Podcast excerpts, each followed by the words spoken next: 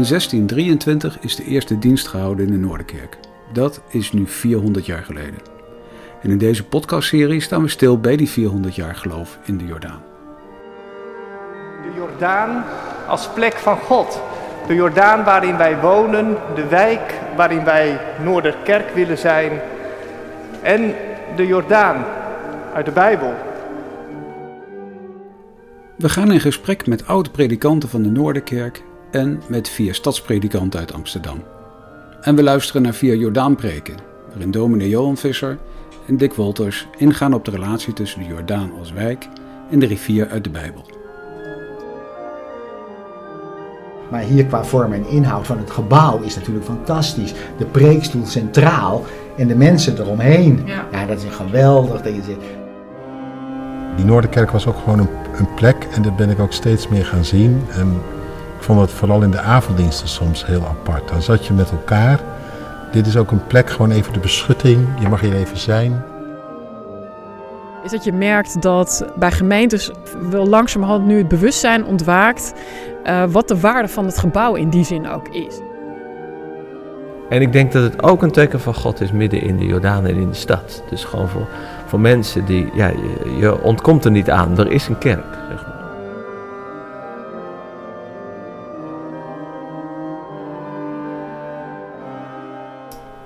Op 1 september vorig jaar kwamen drie oud-predikanten van de Noorderkerk bijeen in Den Haag.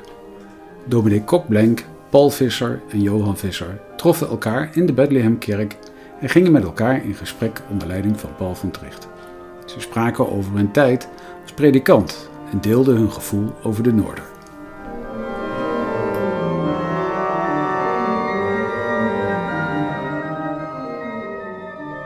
Sinds 1623 wordt de Noorderkerk vrijwel onafgebroken gebruikt voor de eredienst. Al vier eeuwen komt er een geloofsgemeenschap samen in die kerk. In de jaren 1970 werd de Noorderkerk toegewezen aan een groep leden van de Protestantse Kerk Amsterdam die zich verbonden wist met de Griffemeerde. Ik vraag me af wat het eigene is van de Noorderkerk sindsdien en hoe dat in de loop van de tijd is veranderd. Mijn naam is Paul van Tricht en ik ga hierover in gesprek met drie predikanten. Te weten dominee Kok Blenk, predikant van 1982 tot 1994 en inmiddels met emeritaat. Dominee Paul Visser, predikant van 2010 tot 2020 en momenteel voorganger in Rotterdam. En met de huidige predikant, dominee Johan Visser, voorganger in de Noorderkerk sinds 2017. Dominee Blenk, in een interview in eh, 2016 zei u dat u juist in de stad de urgentie van het evangelie ervaart. Het is, en ik citeer u, erop of eronder. Tegelijkertijd voelde u zich gesteund door de restgedachte, dat er altijd mensen overblijven. Hoe heeft dat gevoel van urgentie zich ontwikkeld in de afgelopen 40 jaar? Ja, dat is niet minder geworden. Eerder meer. Maar ik heb na mijn emeritaat wel in de Bijbelbelt gewoond en heb toen gemerkt dat er nog een andere wereld is dan de Randstad. Ik ben daar heel dankbaar voor. En pendel wat heen en weer tussen die twee werelden. Dus behalve de woestijn is er ook de oase. Ook in de stad zijn oases. Dit is ook een oase. Maar op het geheel van de stad, als ik in de tram zit, kom daar net uitstappen, eh, eh, in de bus zit, ik heb daar net in gezeten, dan denk je een stad zonder God. Dat is vooral het urgentiegevoel. En dan, in de kerk zelf is er natuurlijk ook een zekere urgentie. Ook, ook in mentale gemeenten zoals de Noorder en deze Bethlehemkerk is. Ontstaat er natuurlijk ook na verloop van tijd een rand. Net zo goed. En daar zie je ook wegcijpelen. Dus ook daarom is het urgent. Ja, en had u, u kwam in begin jaren 80 in Amsterdam. Was dat, was dat gevoel er gelijk? Uit, uit wat voor context kwam u? Ook kwam u van de Bijbelbelt of kwam u, waar kwam u vandaan toen u in Amsterdam... Ik eh, stond toen in Oude Water. Dat reken ik wel bij de Bijbelbelt. En het is die urgentie die mij in Amsterdam gebracht heeft. Mijn intreepreek ging over Habakkuk, Habakkuk 4, het gebed van Habakkuk. Houd uw werk in leven in het midden der jaren, maak het bekend in het midden der jaren. En gedenk in uw toorn aan uw ontfermen. Ik hoorde toen, of al vooraf, dat het het laatste beroep zou zijn, dat het dan uh, dicht moest. Ja, en ik weet zelfs nog, het was op zich heel bijzonder dat je bent gekomen in 1982. Want ik was toen vicaris in de Jeruzalemkerk. En toen heeft de Noorderkerk echt op de nominatie gestaan om gesloten te worden. Het is maar net op de rand af dat je beroepen werd toen. En dat je gekomen bent. Dus dat, was, dat hing er toen om. Ja. En toen ik er kwam, moesten er twintig kerken dicht. Hm. Ja. Onder andere de Noorden. Sluiten die tent. Dus als dat niet urgent heet. En, en dat was ook gewoon gelijk duidelijk toen u daar kwam, zeg maar. Die plannen lagen er eigenlijk al? Of, of ging dat spelen toen u predikant werd? Het ging naar mijn gevoel direct spelen. Het speelde al voordat je kwam. Dat zal. Ja, het was eigenlijk al besloten. Een uitgemaakte zaak binnen de CK, toen Centrale Kerkenraad. Uh, en men, nou, toen heeft, eigenlijk heeft die groep van de Griffmiddelbond heeft toen zijn hak in het zand gezet. En die heeft gevochten als een leeuw om die plek te behouden. En, en was het dan gelijk ook de Noorderkerk? Zou dat de plek moeten zijn waar de Gereformeerde Bond graag uh, wilde kerken? Of was het willekeurig? Hadden, had het ook een ander gebouw kunnen zijn? Dat had ook anders kunnen zijn naar mijn gevoel. Ja. En ze waren aanvankelijk ook vreemd in de Jordaan, want ze kwamen niet uit de Jordaan. Nee. Dus daar ontstond natuurlijk meteen een kloof. En als je daar dan komt, dan voel je de kloof tussen de wijk, de Amsterdammers in de wijk. Toen natuurlijk een volkswijk, maar bezig met juppies bewoond te worden. En de mentale gemeente die uit heel de stad en daarbuiten kwam. En daar de auto parkeerde en dan weer vertrok. ja. ja.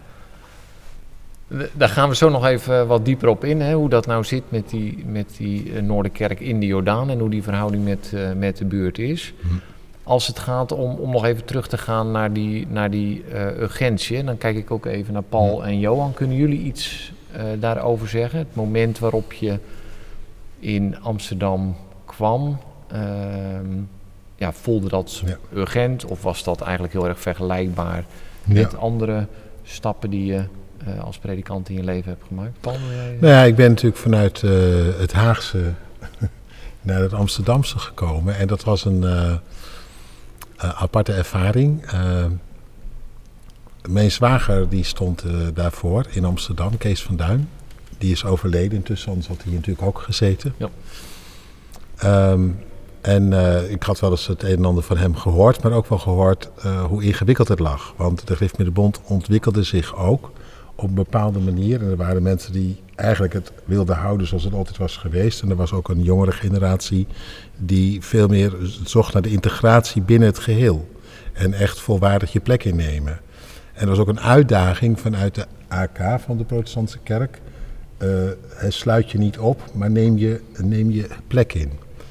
Uh, nou, jij was er zelf bij, Paul, destijds voorzitter van de beroepscommissie.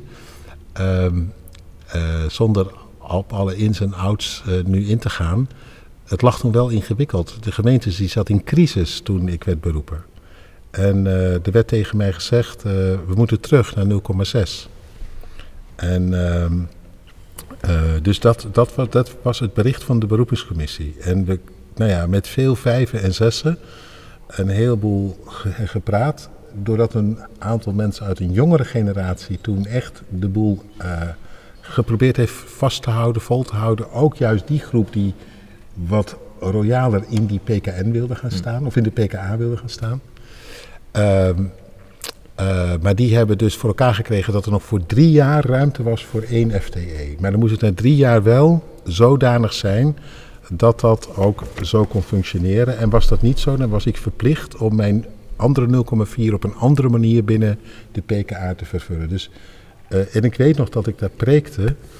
En uh, de, het was een ochtenddienst. En uh, ja, ik voelde toen heel veel urgentie. Want ik denk dat er toen 150 mensen zaten. en je voelde ook, ja, er is hier van alles. Maar echt gelijk je thuis voelen, dat kon ik niet zeggen. Integendeel. Het was gewoon ingewikkeld geworden. En ehm, ik heb toen wel iets ervaren van die gemeente kan ook zomaar op de fles gaan. Die kan op de een of andere manier nu gewoon doodlopen. En nou, dat is niet de enige reden geweest waarom ik gekomen ben. Er zit altijd ook een, een, diepere reden achter, omdat God zelf daarin dan een weg wijst. Maar dat werd vanuit die urgentie wel heel duidelijk. En zo ben ik, zo ben ik begonnen.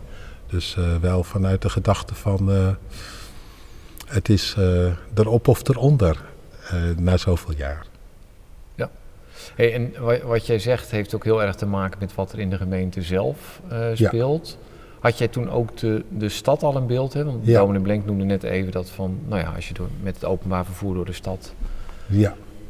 Uh, reist, dan kom je God niet gelijk. Ja, nou ja, dat vond ik het mooie. Dat vond ik ook weer het mooie gelijk. Uh, als ik kijk, ik zat in Den Haag en daar waren ze nog net eens, zaten ze er één stap achter. Daar was nog van, dan moest je bijna nog een beetje je plek verdedigen. Van, hè, wij, wij zijn ook normaal en wij mogen er ook zijn en uh, het valt reuze mee met ons. Maar in Amsterdam, daar was het echt anders. En dat vond ik wel weer verrassend. Want vanuit de AK werd toen gezegd door, uh, en de naam nu eventjes... Uh, nou, Anna Verbeek. Anna Verbeek. Die we uiteindelijk ook bij het afscheid toegesproken heeft. Die zei, je bent hier welkom, eigenlijk op één voorwaarde. Dat je helemaal gaat geven aan de PKA en dat je echt voor ons van betekenis gaat worden. Dat was een soort uitdaging. En dan mag je alles doen wat je wil, maar gewoon binnen het geheel. Uh, en dat vond ik wel mooi. Dat vond ik heel verrassend. Je had steeds een beetje je positie moeten verdedigen. En nu werd je eigenlijk uitgedaagd om je positie in te nemen. Dus er was vanuit de PKA. Er was natuurlijk ook nog een hoop geld binnen de PKA, is er nog volgens mij. Maar goed, er was ook ruimte. En je werd vanuit een stuk waardering die je bijvoorbeeld al kreeg, uitgedaagd om ervoor te gaan. Dus dat is misschien weer de andere kant van, uh, de, de, daar zat wel iets heel moois in. En dat, dat was ook wel ja, iets wat aansprak. Dus aan de ene kant die gemeente, het hangt erom. Aan de andere kant alle ruimte om je gang te gaan. Ja. En, en natuurlijk in een stad waar God steeds verder wegraakt. Zo, ik heb intrek gedaan met het verhaal van Gideon. Dus uh, ga in deze uw kracht. Dat betekent doe wat in jouw vermogen ligt en God doet wat in zijn vermogen ligt. Maar wel in een werkelijkheid waarin je overlopen wordt door van alles en nog wat. En zeg maar Gideon, ooit is de Noorderkerk wel eens een Gideons bende genoemd. Uh, uh, en, maar vanuit de gedachte van een soort guerrilla. Hè? Dus een guerrilla van het evangelie, van, van, van hier en daar een slag slaan. Uh, en zo, te midden van de Midianieten, die in dat verhaal je als het ware overlopen. En die eigenlijk, uh, waardoor het overleven is, uh, toch niet helemaal onder de voet gelopen worden. Zo, zo heb ik dat ook wel ervaren. Zo ben ik er op de een of andere manier ingezet. Ja. Nou, laten we zo wat, wat doorpraten over hoe jullie het vergaan is. Hè? Dus jullie zijn beide met een bepaalde urgentie uh, binnengekomen. En het lijkt me goed om daar over door te praten, maar niet nadat we van Johan gehoord hebben hoe hij in Amsterdam is terechtgekomen. En, en of hij zich herkent in deze ervaringen uh, of, uh, of niet. Ja, ik, ik, kwam uit Antwerpen, wat ja. echt veel kleiner is, met, met Vlaamse protestanten die al al eeuwen gewend zijn dat ze een hele kleine minderheid zijn. Dus, dus het, en de kerk was denk ik anders in 2017. Dus mm. het was niet het gevoel van uh, morgen kan de tent dichtgaan. En, en uh, dus ook wel een soort vitale gemeente waar je het gevaar eerder van had van uh, wij, wij, wij redden het wel of zo. Dus, mm. dus, dus die urgentie die was er niet en die is er denk ik nu ook niet. Hoewel het kwetsbaar blijft, maar tegelijk is dat wel, wel een, een, een, zegen, zeg maar. Dat er best nog een, een, een stevige uh, gemeente nu in de Noorderkerk is. Ik proef wel de urgentie, en die is denk ik in Amsterdam op een of andere manier weer meer dan in Antwerpen.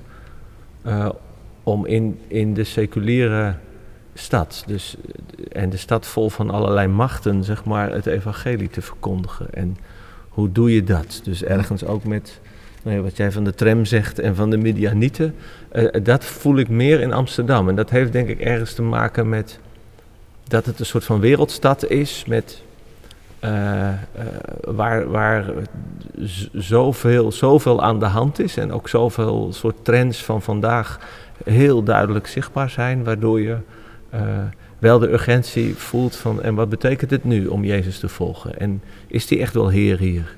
En eh, dus die urgentie, die, die, dus inhoudelijk en geestelijk voel ik wel een sterke urgentie. Eh, eh, in, in, in het Amsterdamse en in de Noorderkerk. Ja. En ook denk ik wel eh, de, de missionaire urgentie, maar daar komen we misschien ook wel op. Dus je hebt wel voor mijn gevoel, je kunt niet anders dan missionair zijn of zo.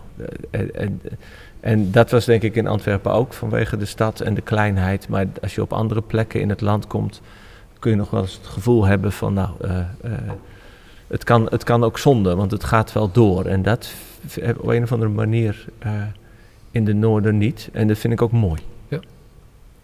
I- Is dat, is dat, om weer even naar de jaren tachtig terug te gaan, is dat herkenbaar voor, voor die periode? Van je kunt niet anders dan missionair zijn?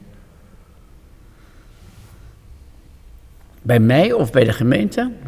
Nou, in de eerste plaats bij u, maar ook wel, ben ook wel benieuwd hoe dat breder leefde. Ja, ik ben zelf evangelist geweest. Ooit, in de vorige eeuw. Drie jaar tijdens mijn studie. Bij Boer in Zoetermeer. Dus dat is me op het lijf geschreven. Maar ik huiver altijd voor het, eh, om het evangelie tot een nieuwe wet te maken. Ik, ik hoor nu bij deze gemeente en hier proef ik een ontspannen balans tussen gemeente van Christus te zijn, voor Christus te zijn en er voor de stad te zijn. Hè? Niet als wet, wel als evangelie. En, en hoe zag dat er dan uit? Dus duidelijk waar u van weg wil Toen ik blijven. kwam was daar al een evangelist van de IZB, Anne van Laar. Mhm. En bij het beroep heeft het mij geholpen dat, dat in de geografische wijk er dus al gewerkt werd. Ja. Want anders denk je natuurlijk, eh, er is geen doen aan. Dan kon ik mij dus wat meer richten op de mentale gemeente, uit heel de stad en daarbuiten. Dat ontspant. En hij had natuurlijk via Hebron had hij, eh, de gemeente wel rijp gemaakt. Om, om er voor de stad te zijn, voor de ge- geografische wijk te zijn. Dat was mijn formule. De mentale gemeente is er voor de geografische gemeente. Maar dat is volgens mij nog, nog precies hetzelfde. Behalve dan niet meer in Hebron en zozeer, maar wel. Ja. Nee, dat is misschien goed voor de luisteraars om even, om even een paar zinnen over te zeggen. Dat, eh dat vlak bij de Jordaan ligt de Spaarnamer buurt. Daar staat een kerkelijk wijkgebouw, Hebron. En dat heeft eigenlijk heel lang bij de Noorderkerk eh, gehoord. En van daaruit is ook al heel lang ehm, missionair werk, evangelisatiewerk gedaan. In de jaren tachtig inderdaad door Anne van Laar. Later is hij opgevolgd door Peter Smits. Eh, en weer later door, door Jurjen de Bruyne. Eh, en het is eigenlijk uitgegroeid tot nu een zelfstandige dochtergemeente in het verband van de Protestantse Kerk eh, Amsterdam. Eh, maar ik denk zeker voor de jaren tachtig dat, dat de verbindingen heel sterk waren tussen wat er in Hebron gebeurde en, ehm, en wat er in de Noorderkerk eh, gebeurde. Terwijl het natuurlijk toch een andere wereld was. ja, hè? precies. Ja.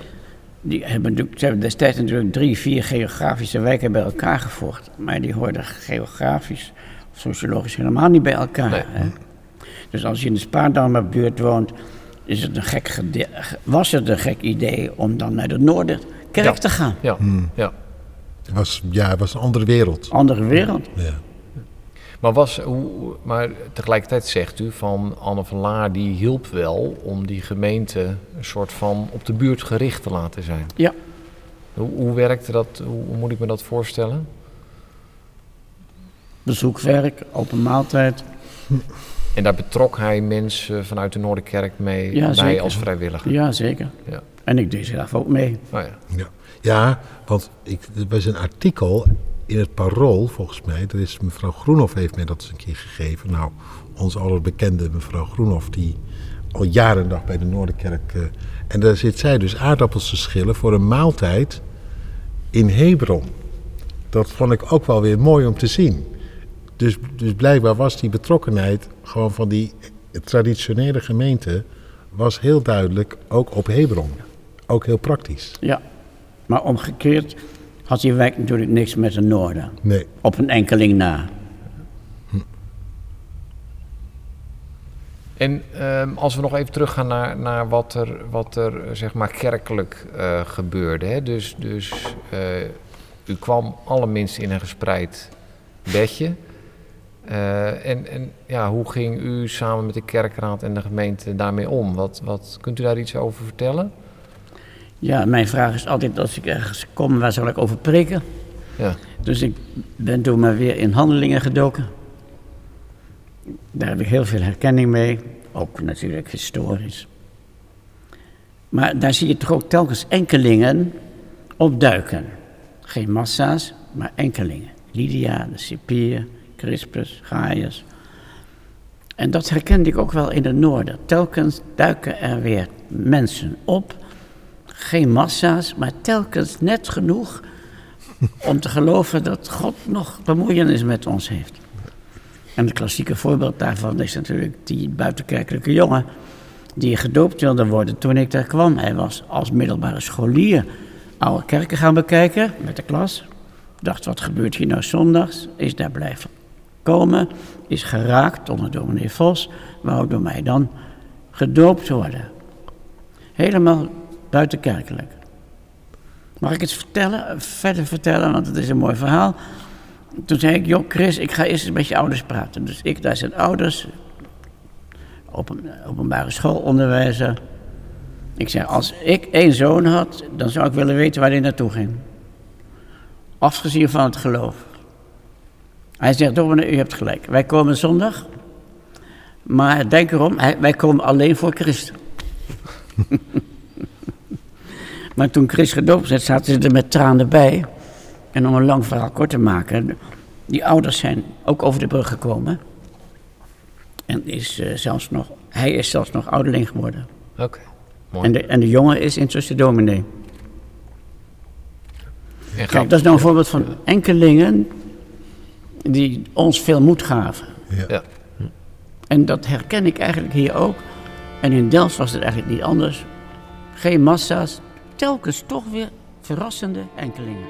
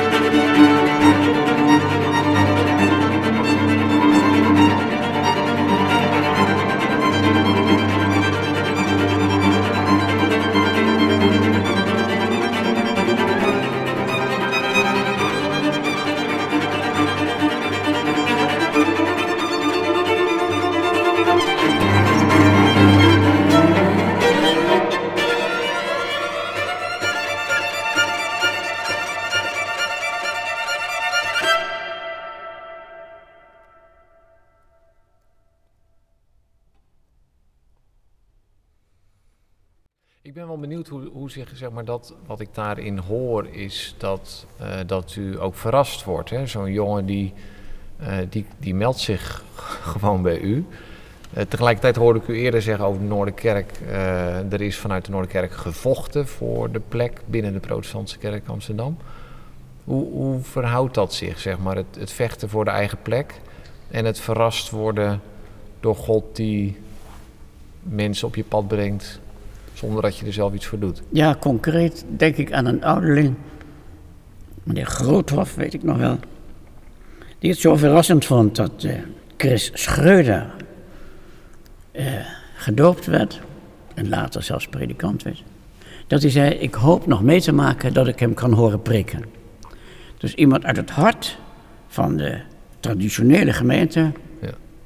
ervaart zo'n enkeling als van God gezonden en wil dat nog meemaken. Ja.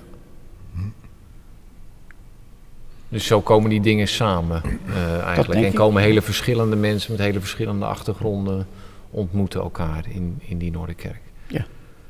Is dat, dan ga ik even naar Johan en, uh, en, en naar Paul, zeg maar. Is dat herkenbaar van, van, uh, van wat, iets van de ervaringen die, die Dominee Blenk nu deelt? Is dat even herkenbaar voor jullie werk als predikant in de Noorden? Of zeg je van uh, dat ligt, lag toch in mijn periode of ligt in mijn periode heel anders? Nee, het is heel, heel erg herkenbaar. En, en daar moet je het eigenlijk ook wel weer elke keer van hebben. Hè. Dus ik zal nooit vergeten, ik, bij mijn intree was er een mevrouw uit de Jordaan, een oude mevrouw, voor het eerst in de kerk. Uh, die was ooit in Scheveningen opgegroeid. En die was op de 18e de kerk uitgegaan. En die had het overal gezocht in alle mogelijke spirituele clubs. uh, en die was dus uh, via via op het spoor gezet. Nou, zondag komt er een dominee en die komt uit Den Haag. En daar moest je maar eens naartoe gaan. En die is nooit meer weggegaan. Die heeft uh, beleidenis gedaan. En uh, ja, uh, ze, ze, ze leeft nog. Maar ik vond dat toen een, een teken. Hè? Dus ze, was bij de, ze stond bij de deur. Een teken van je gaat er in geloof naartoe. God kan daar ongedachte overwinningen behalen. Uh, doe wat in jouw vermogen ligt. Hij doet wat in zijn vermogen ligt. Het is een onbegonnen gevecht eigenlijk. Maar op de een of andere manier is er een belofte. En we leven uit die belofte. En zij was een teken voor mij die dag. Het kan. En ik zal nooit vergeten, er was, dat was nog in de Jeruzalemkerk, toen was ik vicaris. Er was een ouderling en die had ooit tegen mij gezegd, dat was een hele bijzondere man. Uh, Azu Vaas, misschien herinner je zijn naam wel. En uh, die was ernstig, ernstig ziek toen, uh, toen, die, uh, toen, die, toen ik wegging daar als vicaris. En toen zei hij, je moet me één ding beloven. En, en dat meende hij zo, ja, dat was zo bijzonder hoe hij dat zei. Hij zegt, je gaat voor honderd in een jaar. En niet voor, voor dat er nog eens één bekeerd wordt. Honderd in een jaar. En toen dacht ik, die man heeft gelijk, want je preekt ongeveer honderd keer. We hebben dubbele diensten natuurlijk. Dus waarom niet? Elke dienst één. Ja, dus dat heb ik altijd in mijn achterhoofd gehouden. Ik ga voor honderd in een jaar. uh, dat wil ik geloven. Waarom niet? En, en toen die mevrouw dus, nou ja, en zo is dat in de Noorderkerk, uh, is dat ook wel elke keer zo geweest van Um, er kwamen elke keer mensen aanwaaien. Of je kwam met mensen in contact. Of mensen zeiden wel eens van... Hoe, hè, we zijn na een jaar toen begonnen met een soort eerste zoekerskring. En ze waren al vier jaar aan het vergaderen hoe ze een zoekerskring moesten beginnen. En toen was er ineens één. Toen vroeg iemand aan mij, maar waar haal je die mensen vandaan? Ik zei, dat weet ik niet. Die, die komen op mijn weg en dat gebeurt. En, dat, dat, nou, en daar ga je dan iets mee doen. En, en zo ontstaat het. Daar vallen ook weer mensen van af. Hè? Dus als ik kijk gewoon het aantal mensen waar je contact mee hebt gehad en uiteindelijk het aantal mensen wat, wat, wat overschiet. Ik kan ook niet zeggen het zijn er honderd in een jaar geworden in, in Amsterdam. Maar het zijn er opgeteld uiteindelijk door de jaren heen, laat ik het zo zeggen, gemiddeld elke maand één. En uh, dat kan me ook ontroeren. Dat betekent ook heel veel teleurstelling. Elke maand één is ook gewoon, want je hebt veel meer contacten. Dus het, het vraagt ook gewoon veel volharding en en dienstbaarheid en dan maar het andere weer loslaten. Maar net, ik vind het mooi wat je zegt, net genoeg om te blijven geloven. God, u bent hier aan het werk. En er kwam ook zomaar verrassend, ik weet nog in mijn laatste jaar, een mevrouw in de kapel, we hadden zo'n zo'n kleine kapel intussen, die kwam elke week daar bidden.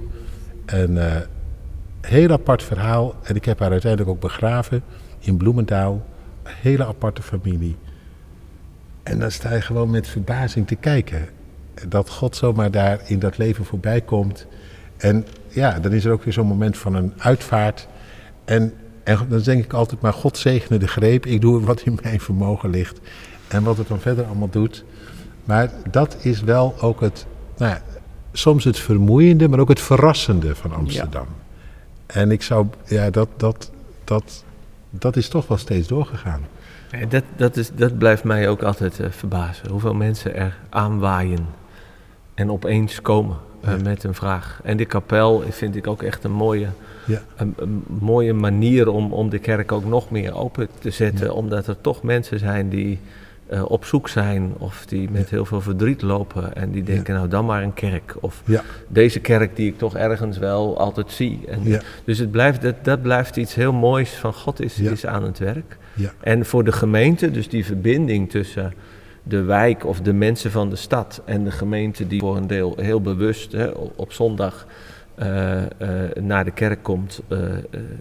dat is denk ik ook heel belangrijk, omdat je ook ziet dat voor gemeenteleden dat een soort ook hen helpt om, ja. om het geloof te leven. Ja. En, en, en iets te merken van, ja, maar God, God, God is aan het werk, ook juist in die wereld die ik uh, uh, soms zo als een woestijn ervaar. Het houdt dus de moed erin.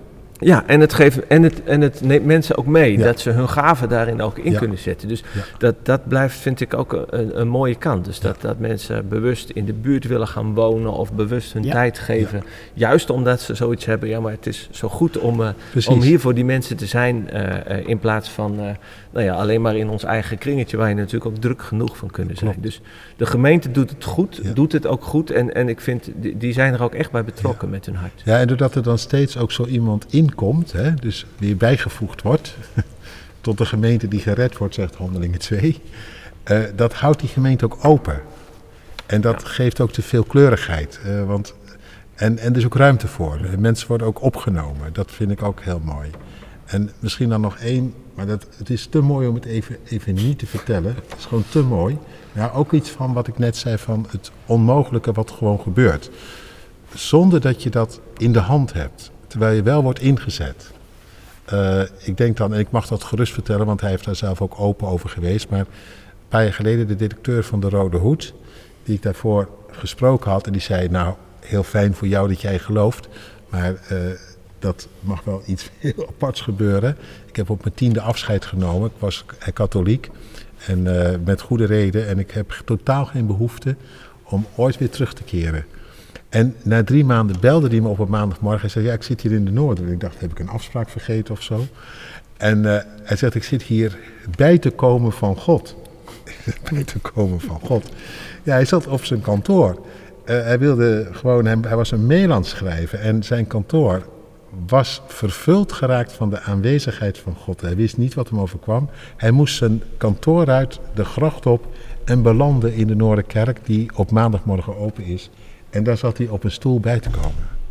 En hij, hij was van één ding heel zeker: God leeft. Nou ja, en zo zijn we toen met elkaar op weg gegaan.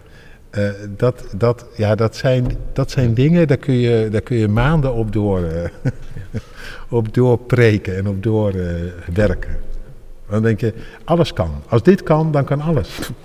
En uiteindelijk is dit ook weer heel gewoon kerk zijn, want het is voor een heel groot deel gewoon pastoraat. Precies. En, en, en begeleid, geestelijke ja. begeleiding, of hoe je het noemt. Hè? Want Precies. mensen komen en die komen vaak met of hun geloofsvragen of met waar ze in het leven ja. tegenaan lopen. Ja. En, en, en als je daar dus tijd voor kan maken, ook omdat de gemeente je niet helemaal opslokt. Ja. En omdat de gemeente dat zelf ook, ook belangrijk vindt. Dat er een ruimte dan is. doe je eigenlijk niet veel anders meer, dus dan ben je helemaal niet bijzonder bezig. Nee. Maar je bent gewoon een kerk uh, waar, waar iets van herderschap in naam Precies. van God wordt gedaan. Ja. Dus. Ik heb wel eens gezegd van de Noorden, als, als, als die, uh, je, je zou het eigenlijk een beetje de baarmoeder kunnen noemen. Hè? De, de, de, kerk als een moeder, maar die moet ook een baarmoeder hebben waar nieuw leven eh, kan worden ontvangen en kan groeien.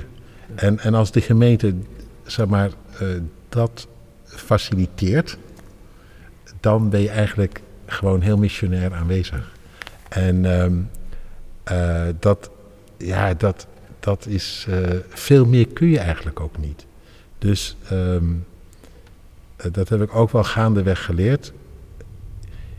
Je kunt doen wat je wil, maar je krijgt niet voor elkaar. Dan ga ik even een, een hmm. Bijbels woord uit eh, de, de, de brief van uh, de opgestane aan de gemeente van Philadelphia. Is dat nee? Ja, Philadelphia. Um, die de sleutel heeft, ik open en niemand sluit, ik sluit en niemand open. Dat heeft mij heel veel ontspanning gegeven. Ik ga er helemaal niet over. En uh, ik doe het mijne. Het is aan hem om te openen en te sluiten. En ik kan duwen tegen deuren zoveel ik wil. Maar dat, wat ik wel kan doen is gewoon trouw zijn. Dat staat ook, je hebt mijn woord bewaard. Je hebt mijn naam niet verlogen. Dus in gebed, in verwachting, daaruit leven. En, uh, en zo je weggaan. En dat, dat helpt. Want je moet wel een weg erin vinden. Je kunt er ook aan kapot gaan. Ja, kunnen jullie daar wat meer over zeggen? Want, want jullie leggen nu even veel nadruk op de, op de mooie dingen die gebeurd zijn. Hè? Dat je gewoon concreet ziet hoe de geest werkt. En hoe, al zijn het enkelingen, uh, dat, dat er dingen gebeuren.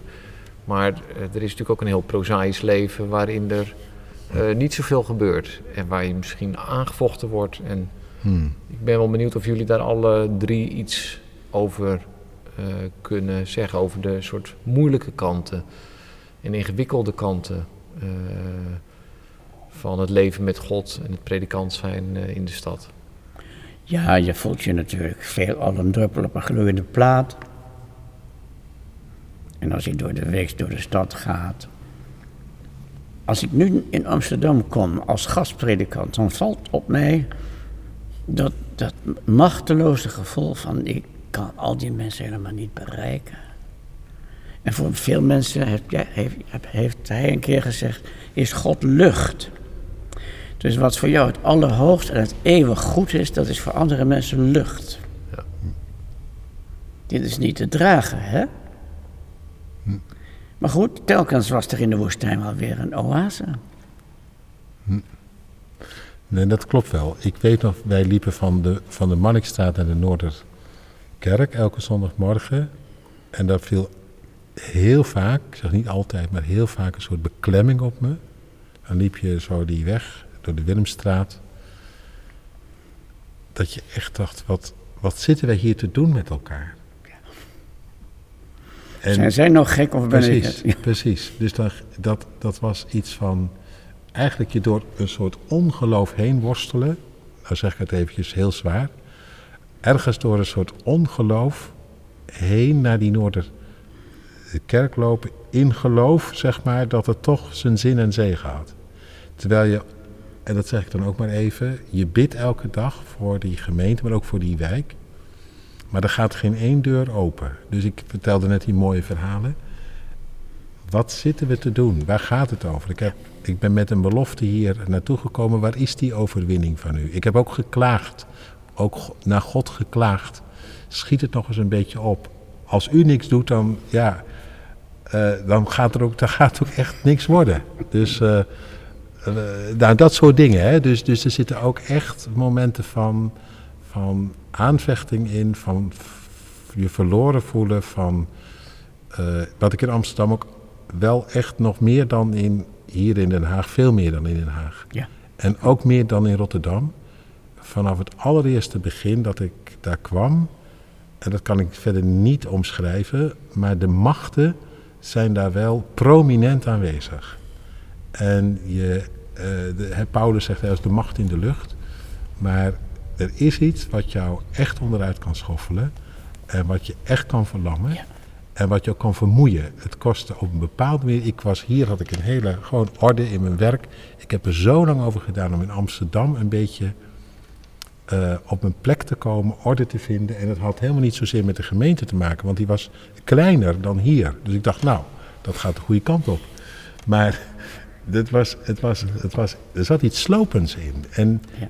Dat voelde voor mij als ook iets van een soort geestelijke st- strijd, zonder dat ik er de vinger op kan leggen. Dus ik, ik, ik, kan dat, ik kan dat verder ook niet zo goed benoemen. Maar ik, ik, ik dacht na een jaar, dat zal ik eerlijk, en, en Tine, de vrouw weet dat.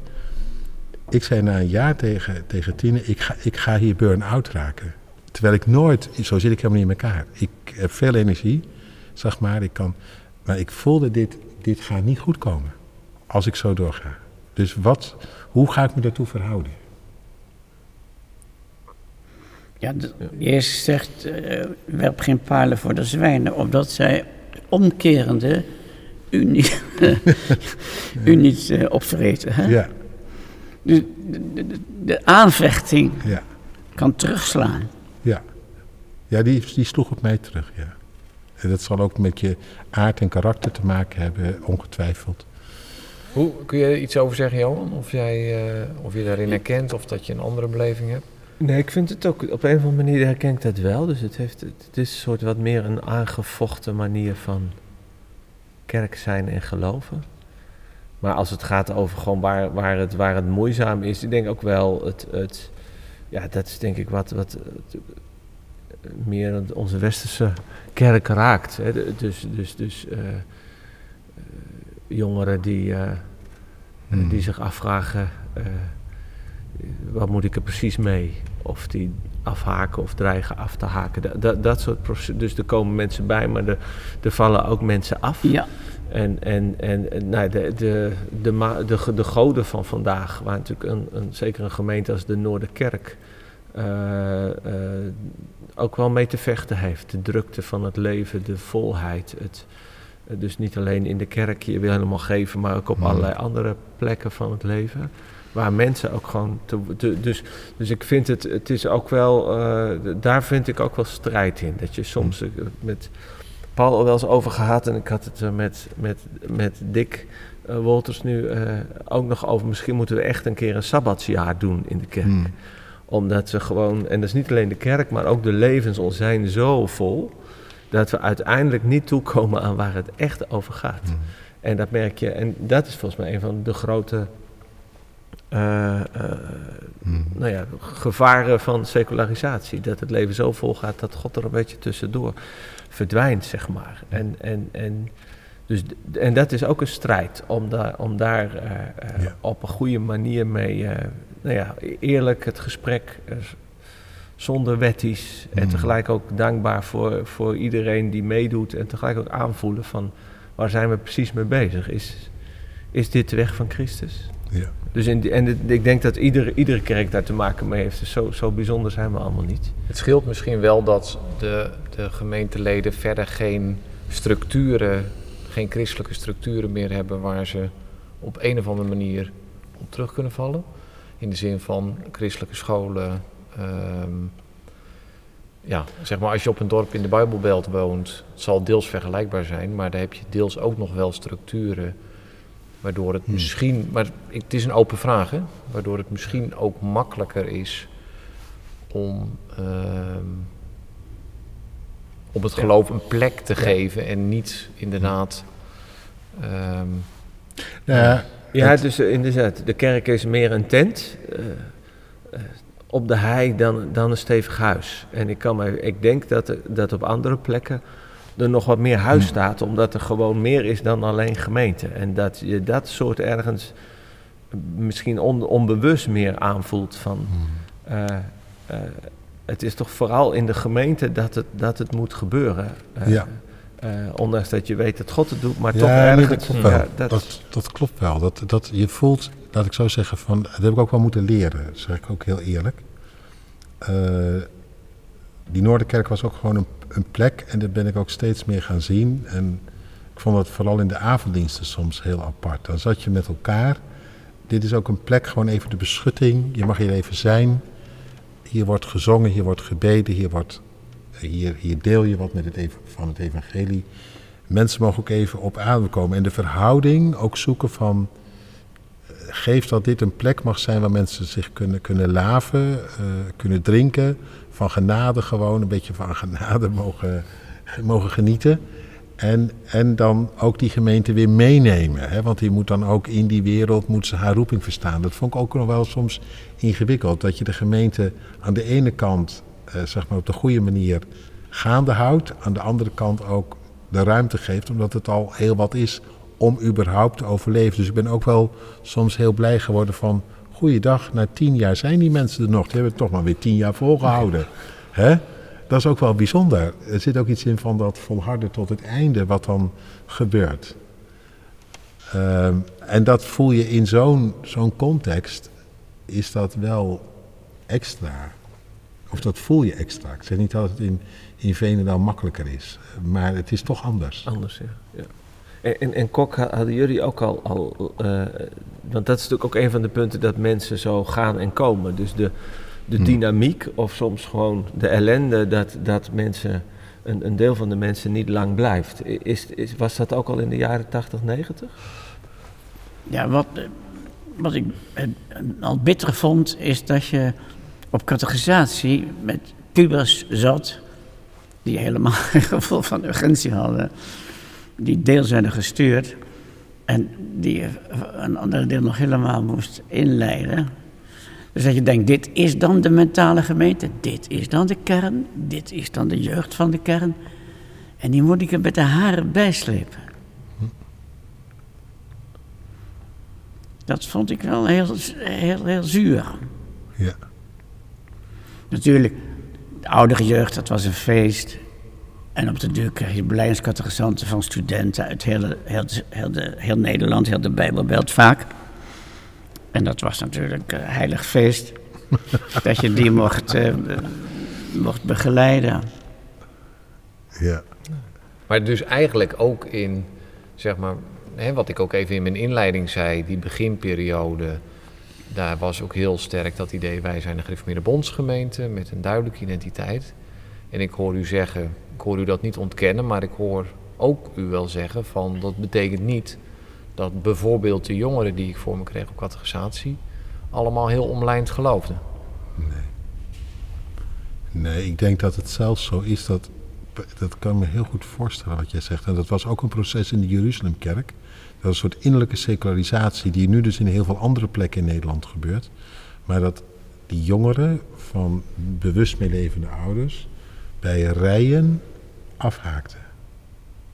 En dat hoor je ook wel soms van ouderen, nu ook nog in de Noorderkerk, dat in die 80 en 90 jaren uh, die jongeren uh, niet erg. De jongeren van nu zijn soms bewuster. Hoewel het is nu ook weer een eigen gevecht hè, om jongeren erbij ja, te houden. Het is een ander gevecht, maar niet ja. meer met de haren erbij trekken. Nee, het is een ander het, soort gevecht. Maar, maar het was, laat maar eens zien wat het voor mij kan betekenen. Ja, dat is maar meer toen de, was het, ik, ben, ik heb er eigenlijk genoeg van. En uh, u bent er nog enthousiast over, maar ik ben er al lang klaar mee. ja. Dat, was, nee, dat, is, dat is wel zo. En dat, daar, in die zin is de secularisatie was, was daar al volop gaande. Ook dus onder die jongere generatie. Zo heb ja, en er zat ook de puberteit bij. Ja, tuurlijk. Nee, maar, ook, nee, maar, al, nee, maar als ik dus kijk, gewoon, ik heb ook categorisatie gegeven in de jaren dat jij in de Noorderkerk gaf. Ik gaf in de Jeruzalemkerk categorisatie. Ja. Maar het is maar een enkeling die is gebleven. Ja. En dat kan natuurlijk aan onze manieren van categorisatie hebben gelegen. Dat zou ook goed kunnen. Het jeugdwerk, dat hield een aantal jongeren heel goed ja, vast. Ja, zeker. Ja. Maar dat is een soort gemeenschap dan.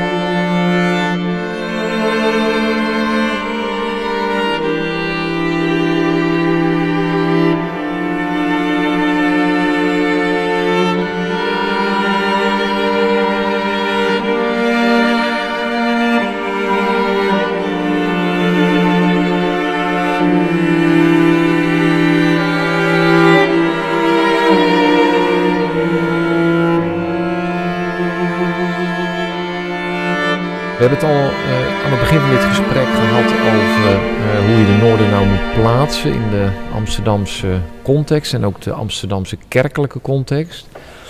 En ehm, dat is ook best belangrijk voor de Noorder. Hè? Dat, je, dat er in de Noorder is altijd nagedacht, in ieder geval vanaf de jaren 70, van wat is ons plekje nou in het kerkelijke landschap. En uh, dominee Blenk, u heeft daar zeker uh, over nagedacht. En ik ben benieuwd, uh, kunt u daar iets meer over zeggen? Hoe we die Noorder nou moeten positioneren? Nou, moeten bedoel ik niet, maar hoe ik het beleefd heb. Toen de restauratie klaar was, mocht ik nog een keer terugkomen. En heb ik gesproken over waar ligt de Noorder op de kaart. Met Beatrix trouwens als uh, toehoorster. Uh, en toen heb ik die drie cirkels genoemd die elkaar ergens raken. Spijkerboer had tegen mij gezegd: Ben jij niet erg eenzaam geweest toen ik daar vertrok? Toen dacht ik: Ik ben de enige die in drie circuits functioneerde. Kun je van, van Spijkerboer toch niet helemaal zeggen en van de anderen nog minder. Ik zat in het evangelisch contact met evangelische vogels, biddend in de binnenstad, voor de stad. Ik zat natuurlijk op het ministerie in het ecumenische circuit.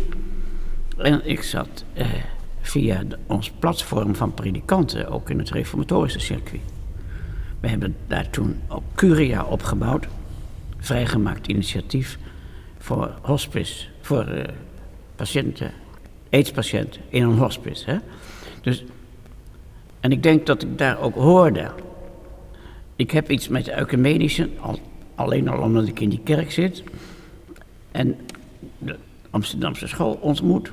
Ik heb iets met de evangelische, de warme band om het evangelie. En ik heb iets met de refo's.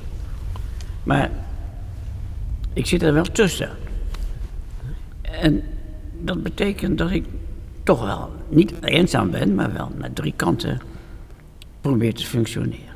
Om van hen te leren, van veel leren, van de ecumenischen ook, Amsterdamse school, Nico ter Linde, maar ik ben het er lang niet altijd mee eens. En zo is het ook met de andere stromingen, evangelisch en reformatorisch. Ik heb daar verband mee, voeling mee, common ground mee, maar ook weer vragen bij. Maar dat is precies, denk ik, de positie waar ik, waar ik hoor en waar ik ook graag ben. Ja. En u heeft vanuit de Noorder ook de ruimte gehad om daarin uw eigen weg te gaan? Of? Ja, nooit iets gemerkt. Maar ja, wat je door de week doet. Welke kerkenraad kijkt daarnaar? Ja. Dit deed ik door de week. Ja.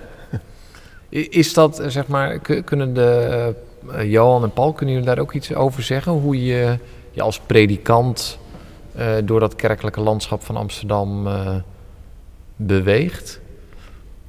Ja, nou, kijk, je had sowieso natuurlijk de vergaderingen met predikanten, ministerie, later heet dat de werkgemeenschap. Daar ben ik altijd, nou, toch wel trouw geweest.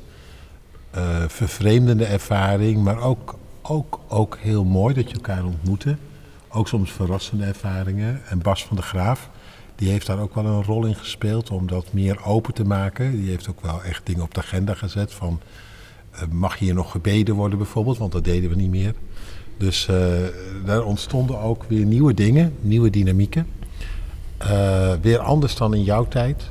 Ik ben ooit een keer in de tachtige jaren met Wim van der Sluis meegeweest naar een een ministerie en dat was echt een andere sfeer dan die ik later ontmoette. Dus zie je ook een soort ontwikkeling in.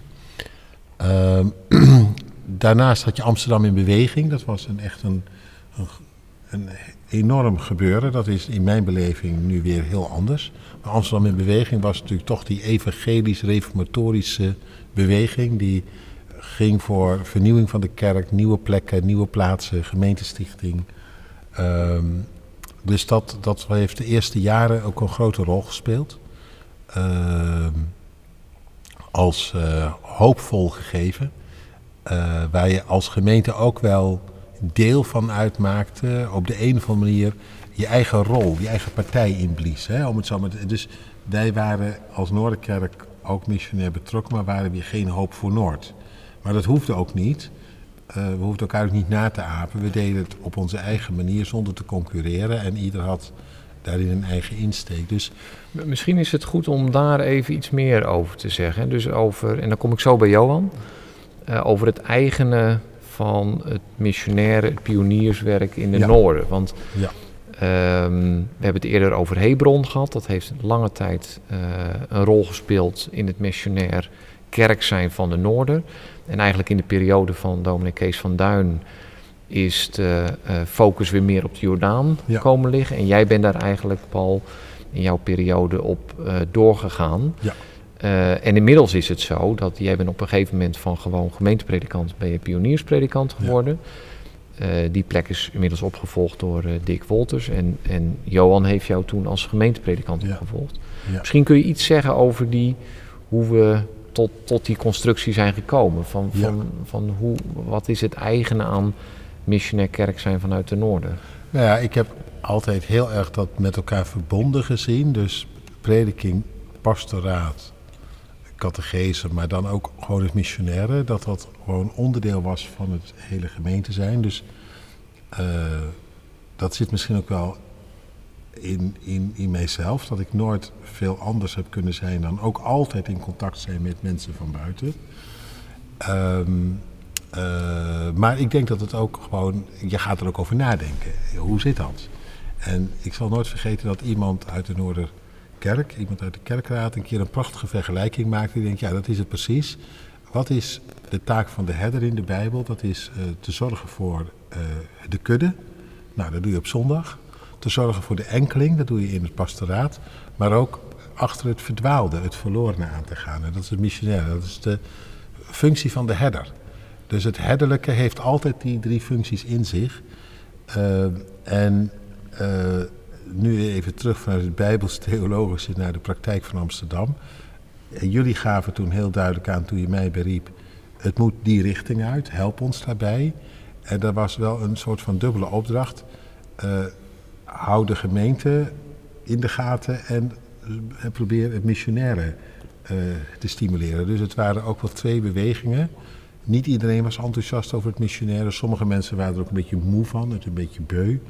Uh, anderen die, uh, die, die hadden daar hele mooie ideeën over. Maar hoe krijg je die beide, hoe hou je die beide dingen bij elkaar? En toen heb ik gezegd, dat was voor mijzelf behulpzaam. Uh, ik wil niet via etiketten van revo of evangelisch werken, maar vanuit geworteld zijn in Christus. Dus geworteld in Hem. Hoe dieper geworteld in hem, hoe, hoe ruimer je hart, hoe breder je blik. Hoef je ook nergens benauwd voor te zijn. En dan doet ieder mens ertoe. Dus de doorgewinterde griftmiddelbonden doet ertoe. Maar ook degene die ik weet niet waar uithangt. En die zomaar voor, voor, voorbij kunt lopen. Want bij God is geen onderscheid. En bij Jezus uh, evenmin. Dus vanuit die houding heb ik dat heel erg geprobeerd bij elkaar te brengen, bij elkaar te houden. En uh, dat kwam voor mij een beetje bij Bavink vandaan, waar ik ooit op gepromoveerd ben. En Bavink zei, uh, ik kan open in de wereld staan omdat ik, uh, omdat ik weet in wie ik geloof.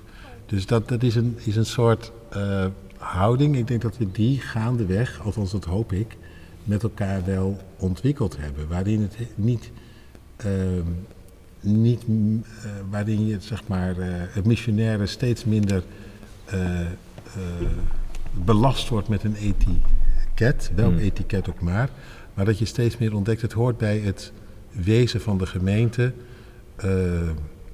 bij het toebehoren aan Christus. Je bent niet alleen toegewijd aan Hem, dat waren eigenlijk twee woorden, bedenk ik nu weer. Toegewijd aan Christus betekent ook toegewend naar de wereld. En dus altijd dat zijn, dat gaat altijd ja. samen op. En uh, ik denk dat we veel meer vanuit die werkelijkheid, althans dat is mijn beleving, ook binnen de kerkraad en binnen de gemeente, uh, gesproken hebben. Waarbij dus bepaalde dingen overstijgt. En ook dus niet gebonden was speciaal aan Amsterdam in beweging. Wel daar ja. verwantschap mee had. Maar ik vond juist altijd, mensen zeiden je moet op jezelf gaan staan en ergens anders een ander gebouwtje huren en daar dan samenkomen. En zei ik altijd, nou, dat, dat, als iemand dat wil doen, moet hij dat vooral doen. Maar dat is niet, niet mijn ding. Ik geloof in die gemeente En dan denk ik weer aan dat beeld van net de, de moeder en de baarmoeder. De moeder als een, een baarmoeder voor. En zo hebben we denk ik ook het pionierswerk Ja. verder uitgebouwd. En daarom was het zo mooi dat die ruimte waar ik dan met mensen samenkwam, dat gebeurde altijd in de, in de Noorderkerk. En dat is ook symboliek. Eh, de zoekers die komen in die kerk, zitten misschien op zondag er nog niet, maar wel in de ruimte van die gemeente gebeurt iets. Nee, dat, dat is inderdaad, denk ik, waar we heel erg naartoe zijn gegroeid. Hè? Dus dat het missionaire heel erg geïntegreerd is in het gewone eh, gemeente zijn. Dat het niet soort twee aparte Nee. verhalen zijn. Ehm, En misschien nog En- één ding, Paul, daarover. Dat, vind ik, dat vond ik echt verrassend. Eh, ik, ik, heb nooit, ik ben nooit zo van Excel en lijstjes bijhouden. Dus ik moest, aan het eind moest ik een soort verslag schrijven. En toen kwamen toch al die namen voorbij. En toen ontdekte ik tot mijn stomme verbazing... Er waren intussen ook mensen verhuisd en een enkeling was overleden. Maar dat er zo tussen de 120, 140 mensen zo door de jaren heen... hun plek weer in de gemeente gevonden hadden. Eh, langs allerlei wegen. En dat, dat noemde ik net dus met die ene per maand, over tien jaar gerekend. Maar dat gebeurde wel. En het waren ook voor het overgrote deel. In, ik heb hier in Den Haag gezeten en dat deed ongeveer. Uiteindelijk is, is een 60% van de Alpha-cursus in de gemeente geïntegreerd. Ik durf te zeggen, in Amsterdam, de mensen die op een gegeven moment zeg maar, gingen meedoen. Heel veel daarvan die zijn op een gegeven moment ook beleidenis gaan doen of zijn gedoopt. Maar ja, dat, dat heb ik me acht, aan het eind van die periode over verbaasd. Van hé, hey, die mensen ze hebben allemaal toch hun plek gevonden. En daar hoeven we ons ook niet voor te schamen. Je hebt soms pioniersplekken in Amsterdam. Die natuurlijk ook hun eigen successen hebben, vieren. En die gun ik ze van harte. Maar zo gek is het nog niet, die gedachte van die baarmoeder waarin leven kan ontwikkelen. En, en dat heeft dus ook geresulteerd, en dan kijk ik even naar Johan, in een, denk ik toch diverse, hele diverse eh, gemeente. Ehm, en kun, je daar iets over zeggen, Johan? Hoe, want jij kwam in, in, die, eh, in die gemeenschap eh, terecht als gemeentepredikant. Kun je iets zeggen over wat je daar aantreft aan gelovigen, verschillende geloofsbelevingen? eh, en, en welke mooie en misschien ook lastige kanten dat heeft? Ja, nee, ik, ik denk dat- wat, wat, eh, wat Kok zegt, dat hij in drie van die cirkels als predikant eh, eh, moest acteren, dat voor een deel die drie cirkels in de, in de Noorderkerk zitten. Ja. En, en, en dan niet pers- en de- natuurlijk in, in verschillende graden van betrokkenheid, om het zo te zeggen. Dus ik denk de gemeente is, is echt diverser geworden de afgelopen, nou ja, ze zegt het, tien jaar. Ehm, dus en, en dat is aan de ene kant denk ik, denk ik mooi. Hè? Dus dat, daar, daar, eh, zeker omdat een heel groot deel van de gemeente daar ook wel echt op een positieve manier mee omgaat, daarvan kan leren. Eh, tegelijk natuurlijk ook wel spannend, omdat je eh, ook wel zoekt van ja, wat is de kern wat ons samen, eh samenhoudt. Eh, eh, eh, kunnen we daar ook echt een goed gesprek over, eh, over, eh, over voeren? En, en, nou ja, en, en mensen zitten natuurlijk ook niet allemaal op dezelfde snelheid in de kerk. Dus je hebt een rand, je hebt mensen die bij andere activiteiten betrokken zijn. Hoe, hoe, hou je, hoe, hoe blijf je met elkaar verbonden? Of is dat juist niet nodig en moet je veel meer verschillende eh, gemeenschappen of netwerken hebben die allemaal een soort binding hebben met de Noorder. Hè? Dus, dus dan is het gebouw of zo de plek waar je, waar je samenkomt. Dus het is, het is denk ik redelijk rommelig. Eh, en ik vind vooral, vind ik, is denk ik de, de, de, de vraag en, en de, de taak, denk ik, hoe we, eh, hoe we echt als gemeente met elkaar op Christus betrokken blijven, bij, bij de kern. En, en dat op zo'n manier dat, dat, dat heel veel mensen eh, daarbij, daarbij betrokken eh, eh, kunnen blijven. Dus dat je niet het idee hebt van ja, ik kom naar de kerk omdat ik dit zo'n leuke kerk vind of omdat ik wel nou ja, af en toe eens een keer aanhaak, maar dat het echt over, over Christus gaat. Ze hebben, nou, dat is ook niet, eh, niet eh, origineel, hè, maar het beeld van de tempel wel gebruikt de afgelopen jaren ook. Hè. Dus dat je, je hebt het, eh, het heilige der heiligen, het heilige de voorhof en dan nog een voorhof en zo. En nou, ik denk dat dat, dat, dat dat ook wel geldt voor de Noorder en dat het ergens de, de, altijd weer, dat we daarmee bezig zijn op allerlei manieren. Dat de mensen nou ja, dicht, dicht bij, het, uh, bij het allerheiligste. En dat is niet een activiteit, maar dat is, dat is Christus zelf die zich voor ons heeft gegeven. En, en wat heeft dat voor, zeg maar, als, als jij dan de hoge priester of, of in ieder geval een van de priesters bent, wat, wat is dan voor, waar komt het dan voor jou op aan?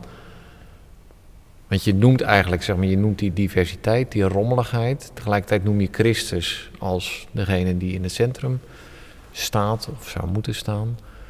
Uh, wat, wat, wat betekent dat voor jou als predikant? Ja, ik denk wel echt herder of priester zijn voor allen. Dus ik denk zowel qua als het gaat over, over nou ja, je pastoraat, maar ook de prediking, als ook gewoon het hele gemeenteopbouw. Dat je echt uh, probeert om uh, wetend van welke groepen, en dat zijn helemaal niet van die hele duidelijke groepen, maar welke mensen, dat mensen uh, mee kunnen doen. Dus dat het niet een soort is van, nou, dit, dit, dit, is de groep die een soort de kern is en dan de rest. Ik denk dat, het daar, dat, dat, dat je die rol als predikant heel goed moet, moet, moet hebben. En, en dat, het, dat je zelf ook een stapje terug kan doen, omdat, denk ik, er dan ook, ook heel veel anderen in de gemeente zijn die die de gave hebben tot, tot de opbouw. En dan denk ik bijvoorbeeld aan onze evangelische, wat meer hè, richting evangelisch-charismatische geloofsbeleving gaande uh, gemeenteleden. Daar ben ik heel dankbaar voor, hè, dat, dat, dat die uh, hun plek nemen. En die moeten niet het gevoel hebben, wij zitten wat aan de rand. Maar eerder, wij mogen helemaal meedoen, ja. maar we weten ook dat niet iedereen precies op dezelfde manier het doet. Maar dan geloof ik dat dat juist een kracht is van de Noorder. Uh, dat, dat, dat, dat, uh, dat zij dat inbrengen, die, die gave. Ja.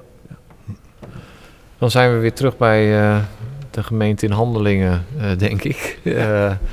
waar de geest aan het werk ging. We moeten naar een afronding van dit gesprek toe. Ik geef jullie alle drie nog één keer het woord. En wil jullie vragen om een, een laatste ervaring, ehm, gedachte, wens misschien. dat laat ik aan jullie te delen uh, vanuit jezelf uh, over de Noorderkerk. Kan ik weer met uh, dominee Blenk beginnen? Ja, als ik terugdenk, dan ehm, denk ik niet het minst over mijn contacten met de Joden. Wij hadden in Buitenveld het Joodse buren en daar heb ik heel veel van geleerd. En in de Noorderkerk verschenen twee oude heren, dominee Smeenk en professor Van Hulst, die in de oorlog ook veel Joden hebben gered. En toen het vorig jaar over de schuld van de kerk ging aan de Shoah, heb ik dat ook ingebracht. Er zijn ook mensen geweest als Van Hulst en Smeek. Smeek heeft in Renken veel Joden gered. Uh, als jonge dominee. En Van Hulst heeft in Amsterdam tegenover de Hollandse Schouwburg, waar de Joden werden weggevoerd, als directeur van de kweekschool, zoveel honderd Joodse kinderen mogen redden. Omdat hij de kinderen uit de crash heimelijk opving in de school. Uh, indrukwekkend. Hij zegt altijd, ik had er veel meer moeten redden. Ik denk aan al die kinderen die ik niet gered heb heeft er nooit iets mee is er nooit iets mee geworden. Maar ere wie ere toekomst. Deze Joden redders. Da nou. Dank u wel. Paul, mag ik jou het woord geven Ja. voor een laatste? Ja, ik zat wat te denken. En eh, allereerst bedankt voor je mooie verhaal, Kok. Eh, maar ehm, toch even één ding. Eh, ik heb wel eens gezegd, in Amsterdam is, mij, is mijn theologisch bewustzijn verdiept. Op een hele bepaalde manier. Eh, en dat komt door de ontmoeting met een meneer, een vijftiger, die stond... eh, we hadden een zoekerskring en die stond aan het eind van die kring de laatste keer... Het was al tegen tien uur, werd er gebeld, stond hij voor de deur. En toen zei hij, ik wil jullie komen feliciteren. Ik denk, nou, wat is dat voor een wonderlijke gast? Hij zegt, ja, hij zegt, want jullie zijn toch hier een kerk? Hij zegt, en ik heb Christus ontdekt en dit is zo fantastisch dat ik, ik zag dat hier licht branden en ik denk, een hele vriendelijke man, een hele aardige man ook.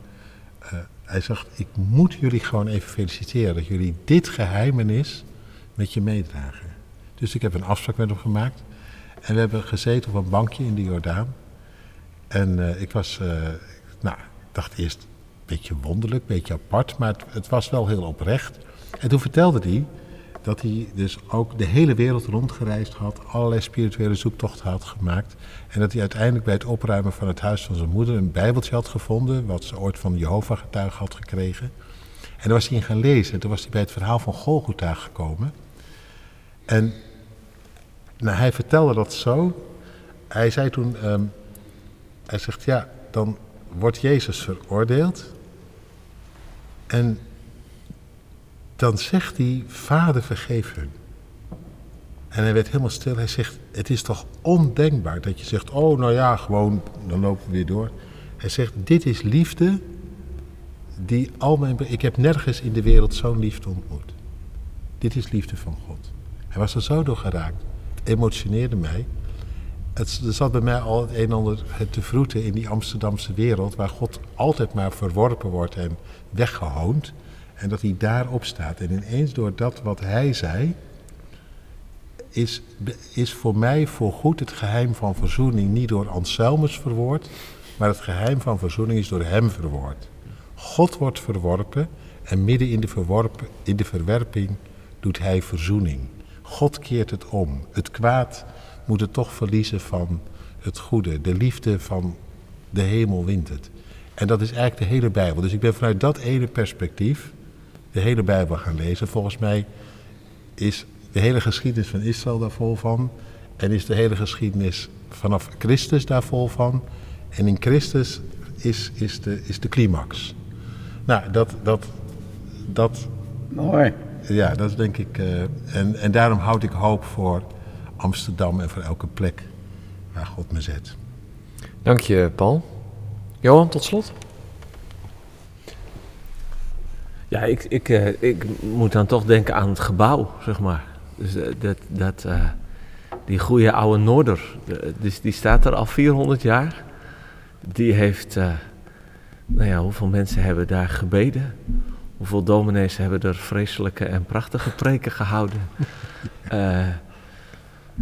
hoeveel is er tegen die kerk aangeplast? Dat vind ik altijd op de Koningsdag zo vreselijk. Dan is de Jordaan een soort pretpark of zo, waar iedereen uh, dat doet. Maar dat vind ik ook wel. Dat, ik vind dat gebouw zelf, naast dat het gewoon als je er binnen zit, is het, een, is het ook iets van een heilige plek.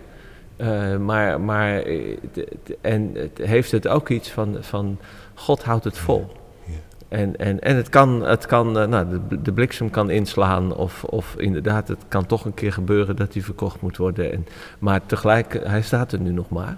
Dus dat vind ik wel echt een teken van God. En ik denk dat het ook een teken van God is midden in de Jordaan en in de stad. Dus gewoon voor, voor mensen die, ja, je, ontkomt er niet aan. Er is een kerk, zeg maar. En, en daardoor, daardoor spreekt God ook. Uh, en dat, dat, nou ja, dat, bemoedigt, dat bemoedigt mij ook ge, ge, gewoon. En het is mooi dat we dat, dat, dat gebouw in, uh, in bruikleen hebben. Als ergens ook wel iets van de gave van de geest. Dus dat... Uh, Zeker. Een open monument. Ja, dat, uh, daar moeten we ook heel, heel ja. goed ons best voor doen, dat het ja. uh, echt open is. Ik ja. heb ook wel vaak, want toen werd die kerk gerestaureerd in de tijd dat jij er stond. En mensen zeiden, daar, daar ga je toch geen geld in steken, in die stenen. Ik vind het zo fijn dat jullie ooit het geloof hebben gehad, of de moed of de ijver, ik weet niet wat het geweest is, maar in ieder geval dat het gebeurd is. Want wat zouden we toch moeten beginnen in de Jordaan zonder dat gebouw? En dat gebouw is een teken van de tijd, of een teken in de tijd van het koninkrijk. Dat toch op deze aarde is. Tegen met, wil en dank. En met de herinnering aan Jan Koopmans. Zeker. Ja, dat is ook mooi dat, dat we ook uh, inderdaad zijn naam uh, niet uh, vergeten en, en verbonden, echt verbonden hebben aan het gebouw. Ja, ja. prachtig. Ja. Nou, nou, er is mij niks om amen te zeggen en jullie heel hartelijk te danken voor jullie bijdrage aan dit gesprek. Graag gedaan. Graag gedaan. Graag gedaan. U luistert naar de podcastserie over 400 jaar Noorderkerk in Amsterdam. De intromuziek is van Johann Sebastian Bach, gespeeld door onze vaste organist Arthur Koopman op het knipscheerorgel van de Noorderkerk. Het tussenstuk was een stuk Castillo Interieur van Petris Vasques, gespeeld door violiste Marcel Verkammen van het artistiek collectief samen met celliste Maya Fredman. En mijn naam is Michiel Dumont. Als u meer wilt horen over 400 jaar kerken in de Jordaan, abonneer u dan op deze podcast.